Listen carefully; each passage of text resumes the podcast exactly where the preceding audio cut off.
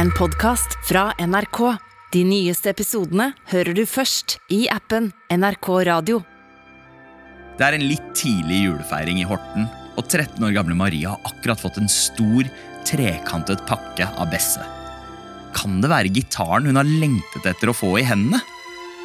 Maria har nemlig lenge ønsket seg instrumenter av foreldrene, men ingen av dem har villet gi henne det, fordi hun blir så fort lei av alt hun blir opptatt av, og de får nesten rett. Det blir ikke kjærlighet ved første grep. For like etter at Morgan-gitaren med nylonstrengen er pakket opp, havner den rett tilbake i kassa si. Men der blir den heldigvis ikke værende. For i dag, nesten ti år senere, har Marie blitt en av Norges mest streama artister, med fans over hele verden. Marie Ulven har gått fra å klimpre på gitaren sin på soverommet sitt i Horten, til å pryde gigasvære billboards på Times Square i New York som ikonet Girl in Red. Hvordan kom hun dit?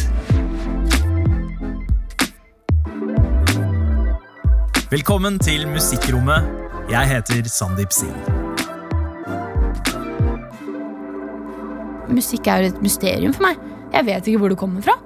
Det er sånn, og jeg vet ikke hvor, liksom, hvor jeg får impulsen til å gå videre med en idé heller. Det er dritspesielt. Av og til når jeg hører nye norske artister, så føler jeg noen gang at det er for bra. Det her er noen som lurer meg. Her er det et markedsapparat som eh, skal lage noe som er tilpassa min musikksmak. Jørgen Hegstad er programleder og musikkprodusent i NRK P13. Men så skulle det vise seg at det ikke stemte i tilfelle Girl in Red. Her var det bare da en person som hadde altså allerede der den perfekte musikksmaken. Hun er ærlig. Hun er ekstremt frampå, og hun lager de catchigste melodiene av den typen som, hvis jeg var ung eh, i 2018, har det kommet til å vært min automatiske favorittartist. For maken til det å lage appellerende musikk eh, for den unge generasjonen, det skal du lete lenge etter.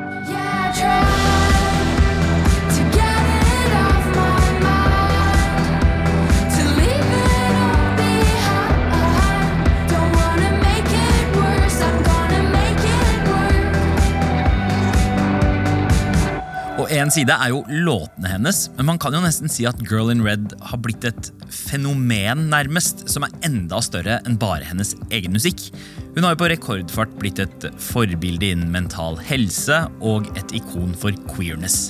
Så det er kanskje ikke så overraskende at magasinet Forbes i fjor satte henne på sin 30 under 30-liste over talenter i underholdningsbransjen. Nei, og det er jo bare ett år da, siden det her debutalbumet hennes ble sluppet.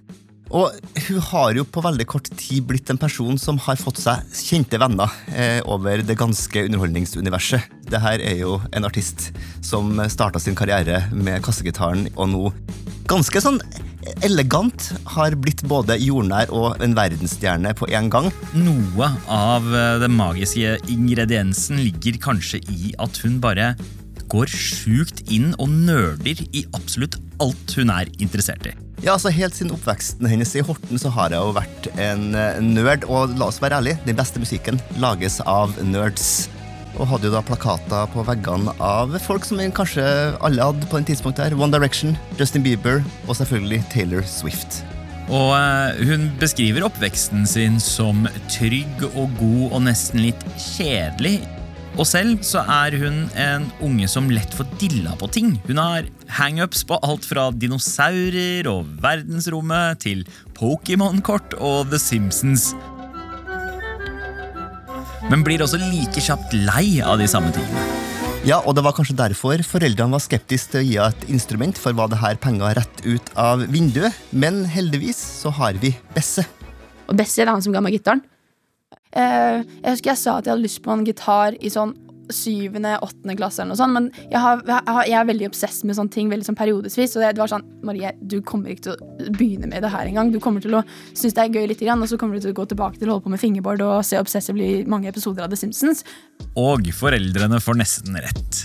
Like fort som Morgan-gitaren er pakket ut, er den pakket ned igjen i kassa si, for Maria har jo dilla på noe helt annet akkurat nå fingerskating. En marginal sport, eh, også da, som nå.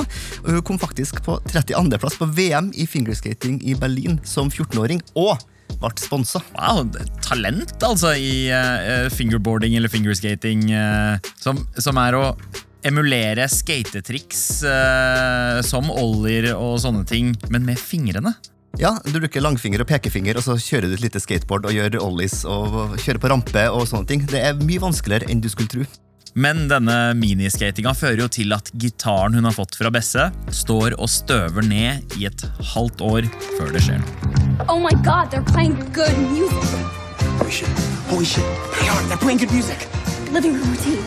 Living room routines. Det var på et besøk hos bestemora på ei øy i Canada at Marie leser boka The Perks of Being a Wallflower og ser filmatiseringa av den boka. Hun får dilla på soundtracket til filmen og blir hekta på 80-tallskultur og begynner å interessere seg for musikk for alvor.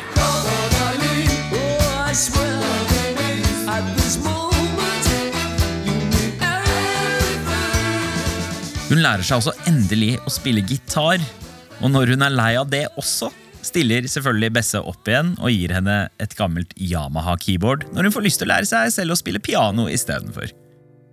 Og hun er jo en rastløs sjel, så etter at hun har lært seg gitar og lært seg å spille på keyboard, så ble hun interessert i musikkproduksjon, og det er da hun kjøper seg en Macbook for konfirmasjonspengene.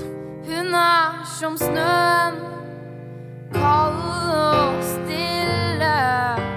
Og nå begynner for alvor låtskrivinga og musikkproduseringa hennes. Hun blir ikke med jevnaldrende på fester, men holder seg på soverommet, hvor hun skriver og mekker låter som hun først bare deler med klassekameraten sin. Ja, og kompisen syns at det her er bra, så da begynner hun å legge ut egen musikk på Soundcloud som 15-åring under navnene Lydia X og Marie Ulven. Og det høres litt annerledes ut, det hun lager der, enn det hun gjør nå.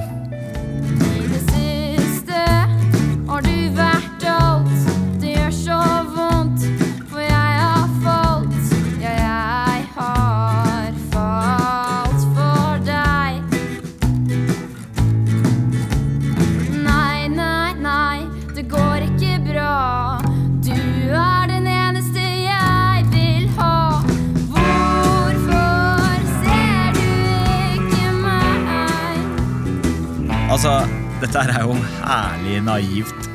Hun er langt fra komplett, men stjernen bor inni her et sted. Ja, det er nerve her, i all sin Lisa Ekdal møter Razika-het. Den åpenheten i teksten, den direkteheten, den tok hun da med seg videre når hun da skulle gå over til å synge på engelsk. Og hun deler med fingerboard-fansen sin på Instagram at hun har fått en ny lidenskap. Men det er en ulykkelig forelskelse som virkelig skal få fart på musikkarrieren hennes. Jeg var forelsket i en jente som ikke var forelsket i meg.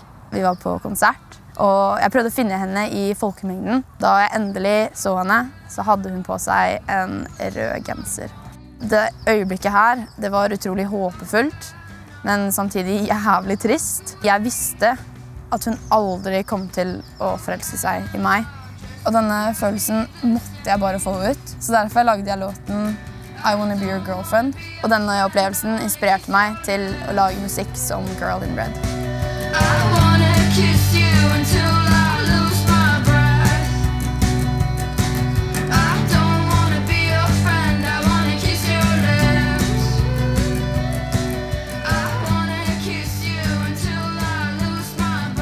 Hun deler I Wanna Be Your Girlfriend på Soundcloud først i 2016, og så blir hun Ukas Urørt i 2018.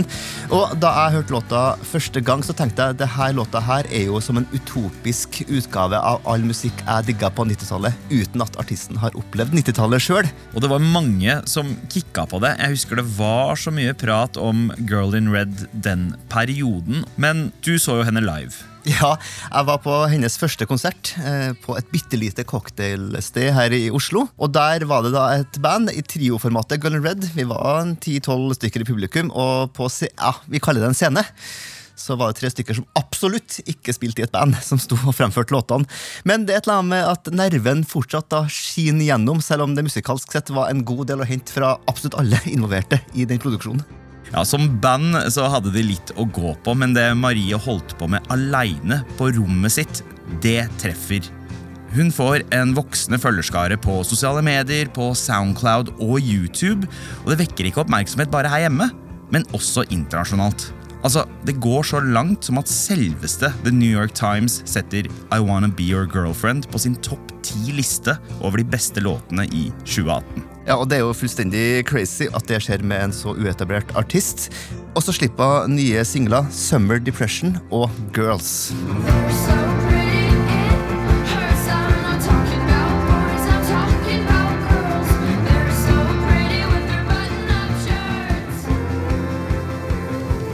Og nå begynner vi å ane a success in the making. De når plutselig millioner av lyttere. Og det er også her hun blir kåra til Årets Urørt av oss i NRK. Eh, Jeg heter Marie. Jeg er 19 år, jeg kommer fra Horten. Og jeg spiller en, slags form for popmusikk i Girl in Red. Jeg tar mye plass. Jeg er, jeg er, skikkelig, jeg er skikkelig bråkete. Mamma sier jeg er litt mye. Det er Årets Urørt, mamma! Baby, your baby! She made you proud! Men det tror jeg er bra, for vi trenger litt mye noen ganger. Hun opptrer på P3 Gull i beste sendetid, og får plutselig også vise seg fram som det live-talentet hun er. Det er en Urørt-vinner som skal få lov, som har vunnet plass til å spille her på P3 Gull. Hun vant for snaue tre uker siden, og nå er hun klar. Aller første gang på live TV.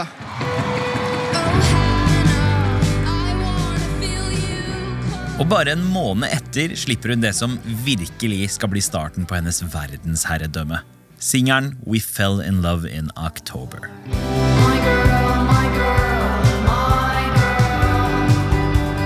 You will be my girl, my girl, my girl. Som er da hennes mest strømma låt, som i snakkende stund da, har over 400 millioner streams, og øker med nesten en million per dag.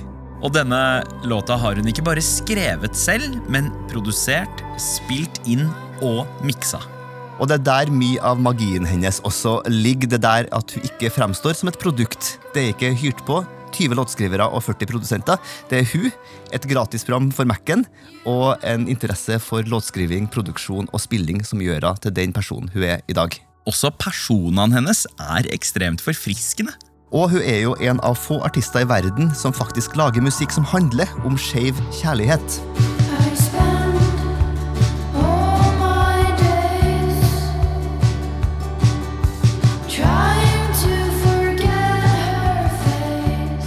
Det at Girl in Red fyller dette hullet uten å gjøre et stort nummer ut av det, treffer folk verden over. Og verden er nå klar for å ta imot Girl in Red live også.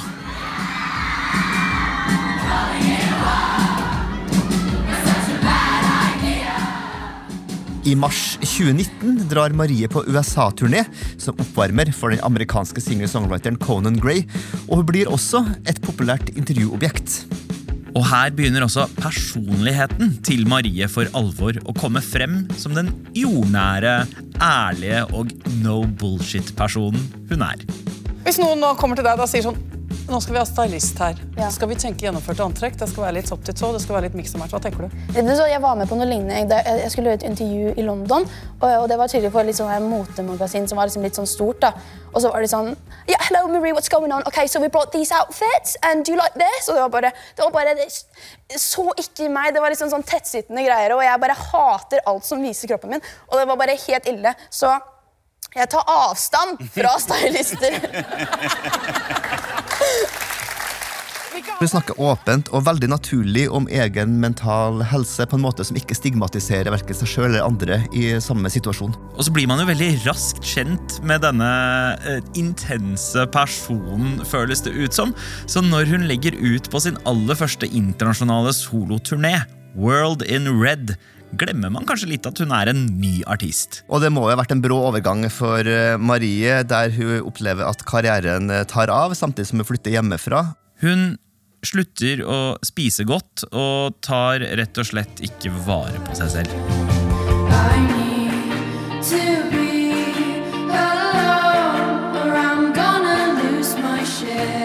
Og hun forteller i intervjuer at hun på tross av at hun elsker fansen sin, så får hun angst, spenningshodepine og holder på å besvime av såkalte meet and greets, der hun da skal møte sine etter hvert svært lidenskapelige fans. Og I tillegg så er hun veldig streng med seg selv når hun en sjelden gang er hjemme også. Hun presser seg selv til å nærmest slutte å være med venner, bare for å ha tid til å skape ny musikk. hadde vel egentlig mer et sånn romantisert bilde av at eh, hvis du ikke skaper noen ting, hva gjør du med livet ditt? Jeg skal ikke være ute med noen. Hvis jeg gjør noen ting annet enn å være produktiv, så kaster jeg bort tiden min. Jeg må bare lage kunst. Det var bare sånn helt oppi en sånn derre må skape-boble. Hun blir rett og slett utbrent og deprimert av måten livet hennes har blitt snudd på hodet på. Men pandemien gir henne etterlengta pause. Og ikke minst en ny opptur med musikken. Are you listening to Girl in Red? Bailey, do you listen to the girl in red? Hey, um, do you listen to Girl in Red? Do I listen to Girl in Red? Yeah. well, musician to musician speaking, yes. I 2020 begynner begrepet Do you listen to girl in red å spre seg på TikTok som en kode for det å være skeiv. Og det blir hengt opp knallrøde plakater rundt om i hele verden med tykk, svart skrift. Do you listen to girl in red? Også i land og byer hvor det å være skeiv enten ikke er akseptert, eller rett og slett ikke er lov. Som i Brasil, Russland og Polen. Girl in red blir dermed brukt av unge jenter til å komme ut til venner og familie, og på TikTok så blomstrer sangen Girls opp som soundtrack til akkurat det her. Og Marie hjelper til og med en jente å komme ut som skeiv under en konsert. Hey, uh, is this Allie's mom? Yeah. Oh, because Allie, she's at the, the Girl in Red show right now. You know that, right? Yeah. Oh, okay, because she has something to say. Um, she's bi. Og et kjapt søk på Do you listen to Girl in Red inne på musikkstrømmetjenestene viser at det til og med har blitt laget tre vidt forskjellige låter som heter Do you listen to Girl in Red. But even if you don't listen to girl in red, you kinda do. Og det viser jo virkelig at fenomenet Girl in Red nå har vokst seg større enn musikken. Men Maria har blanda følelser rundt det å være den rollemodellen hun nå har blitt. Jeg lurer litt sånn på hvordan jeg skal navigere meg gjennom det å liksom være et forbilde. Og, og liksom ha, fordi jeg, jeg gjør ganske mange intervjuer, og jeg blir veldig liksom spurt om det er liksom en ansvar og, og sånt. Det er sånn, jeg, jeg, liksom, jeg, jeg er 22 år, jeg vet da fader, jeg. Så det er liksom sånn men jeg synes, så lenge egentlig folk Hvis folk ser opp til meg, så tenker jeg sånn det, da, da du gjør ikke noe feil der, for å si det sånn. Fordi jeg føler at jeg er en ganske god person, og jeg er en god person å se opp til. Så, men det å være en sånn rollemodell, sånn, det syns jeg, synes jeg er en sånn skummel ting nå. Så hun har ikke noe imot å være et forbilde der folk ser opp til den personen og musikeren hun er. Men er skeptisk til å være rollemodell, altså. Men for et forbilde hun er som musiker. Hun har jo hele tida gjort alle ledd i musikken sjøl, og til og med gitt ut da på eget label. Queens in a king size bed. There's no mistletoe above our heads. Og hun fortsetter å være produktiv. For med en pågående pandemi får hun endelig rom til å jobbe med det som skal bli hennes debutalbum. Og for første gang så har hun også med seg en produsent i forbindelse med albumskapinga, nemlig Mathias Tellez. Som jo er en annen Wonderchild. Han er ti år eldre enn Marie, og var også årets Urørt ti år før Girl in Red. Og det stopper ikke der, for når singelen Serotonin kommer ut, så er det ikke bare Mathias som er med, men også en ny karakter, nemlig Phineas. Broren da, til selveste Billie Eilish og hennes faste produsent og samarbeidspartner. Og det sier jo litt om hvor stor Girl in Red har begynt å bli.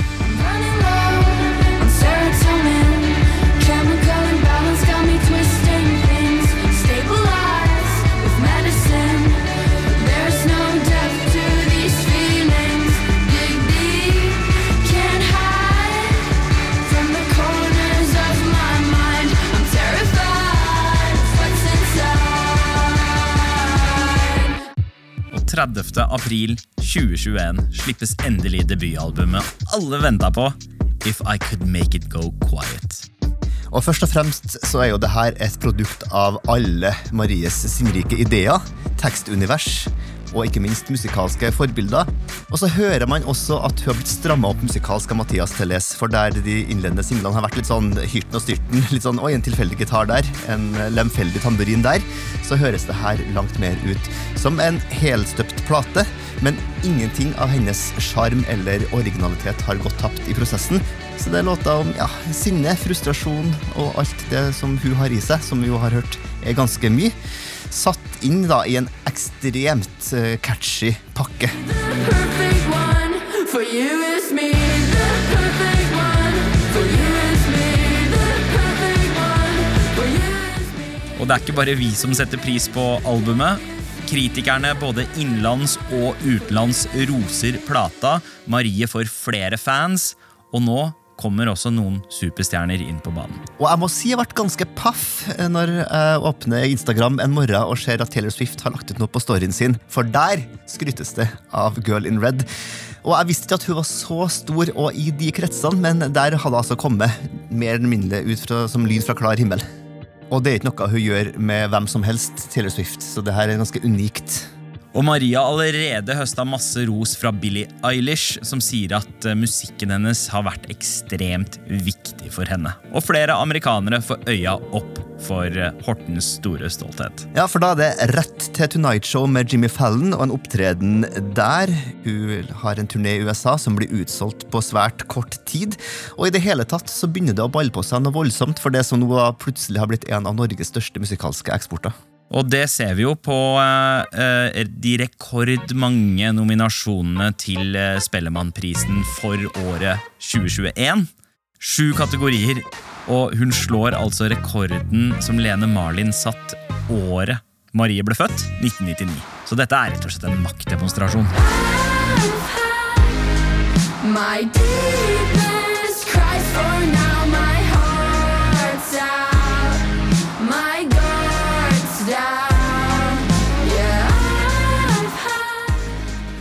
Ja, både, både innenlands og utenlands så har dette vært et gedigent år for eh, Girl in Red. Og nå gjør hun seg klar til å varme opp for Billie Eilish i O2 i London. Men du, Jørgen, du har nettopp eh, snakket med Marie Ulven. Hvordan går det med henne? Jeg tror det går ganske fint. Hun kunne jo bare i forbifarten nevne at hun var på maileren med Taylor Swift, som jeg synes var utrolig komisk. Hun kunne også fortelle at dattera til Jimmy Kimmel, talkshow-verten, har laga en keramikkskulptur av Maries hund Luna, som jeg syns er utrolig obskurt. I tillegg så har jeg også fortalt at hun er i studio da, nå, eller har vært med Aaron Desner, som jeg kjenner som gitaristen i The National, som også har produsert da, for, eh, den, for Taylor Swift og har bandet Big Red Machine og jobber nå med Ed Sheeran. Og hun sa jo også da, Marie, at de har laga sammen en verdenshit. Så jeg tror vi bare ser starten nå på noe som skal bli enda større. Og hvem vet hvilken retning hun går neste gang? Det ryktes også at hun driver med noe ambient-album, så det her er jo et menneske som vi allerede har erfart kan gå nye retninger og skifte meninger med hva han skal bruke livet sitt til. Så vi får se hva hun gir oss, men at det blir spennende, det er jeg helt sikker på. Og så føles det jo litt som at hun er langt større rundt om i verden enn det det føles ut som her hjemme i Norge når vi ser hvor jordnær hun er. da. Ja, Hun har jo for eksempel langt flere månedlige unike lyttere Marie Ulven, enn veldig mange av våre aller største popsangere. Og eh, hun har blitt et fenomen, nærmest, som, som, som er større enn låtene og musikken hennes. Hello, Marie. My name is Nora, and I'm from Belgium. I live in Peru. England. I'm from Poland. St. Petersburg, Russia. From Argentina. Northeast India. Your music means a great deal to me. I started listening to your music when I was in a tough moment of my life. I had just come out to myself as bisexual, and your music made me feel valid and made me feel like a part of something. Og det har nok noe med Marie Ulvens ganske unike karisma, ekstrem åpenhet og sånn lite jåleri. Altså det er bare sånn, Jeg tror nok hun forholder seg til alle mennesker på likt nivå, og det er derfor hun er så godt likt. Og litt derfor også. Hun er det perfekte rollemodellen, enten hun vil være det eller ikke. Og selv om hun eh, kan bli litt eh, sjøsjuk av sånne meet and greets med fans, så er hun ekstremt opptatt av å holde kontakten med dem i chattegrupper, og hun snakker med dem konstant. Det er én gruppechat med fans som jeg bare synes er hysterisk morsom å være med i. Og det er en gruppechat som heter sånn Midnight Loves, og det er sånn folk fra sånn Paris og Amsterdam og sånt. Og de bare De er så jævlig lættis, og de bare roaster meg som at jeg er bestevennen deres. Liksom. Og de bare er dritfrekke mot meg, og jeg, men på den beste måten. da Og bare på en måte Hvis jeg sier noe, så er det sånn at det var jævlig teit å si. Og det er akkurat sånn som jeg gjør med mine venner. Og det er kanskje det da som er World in Red.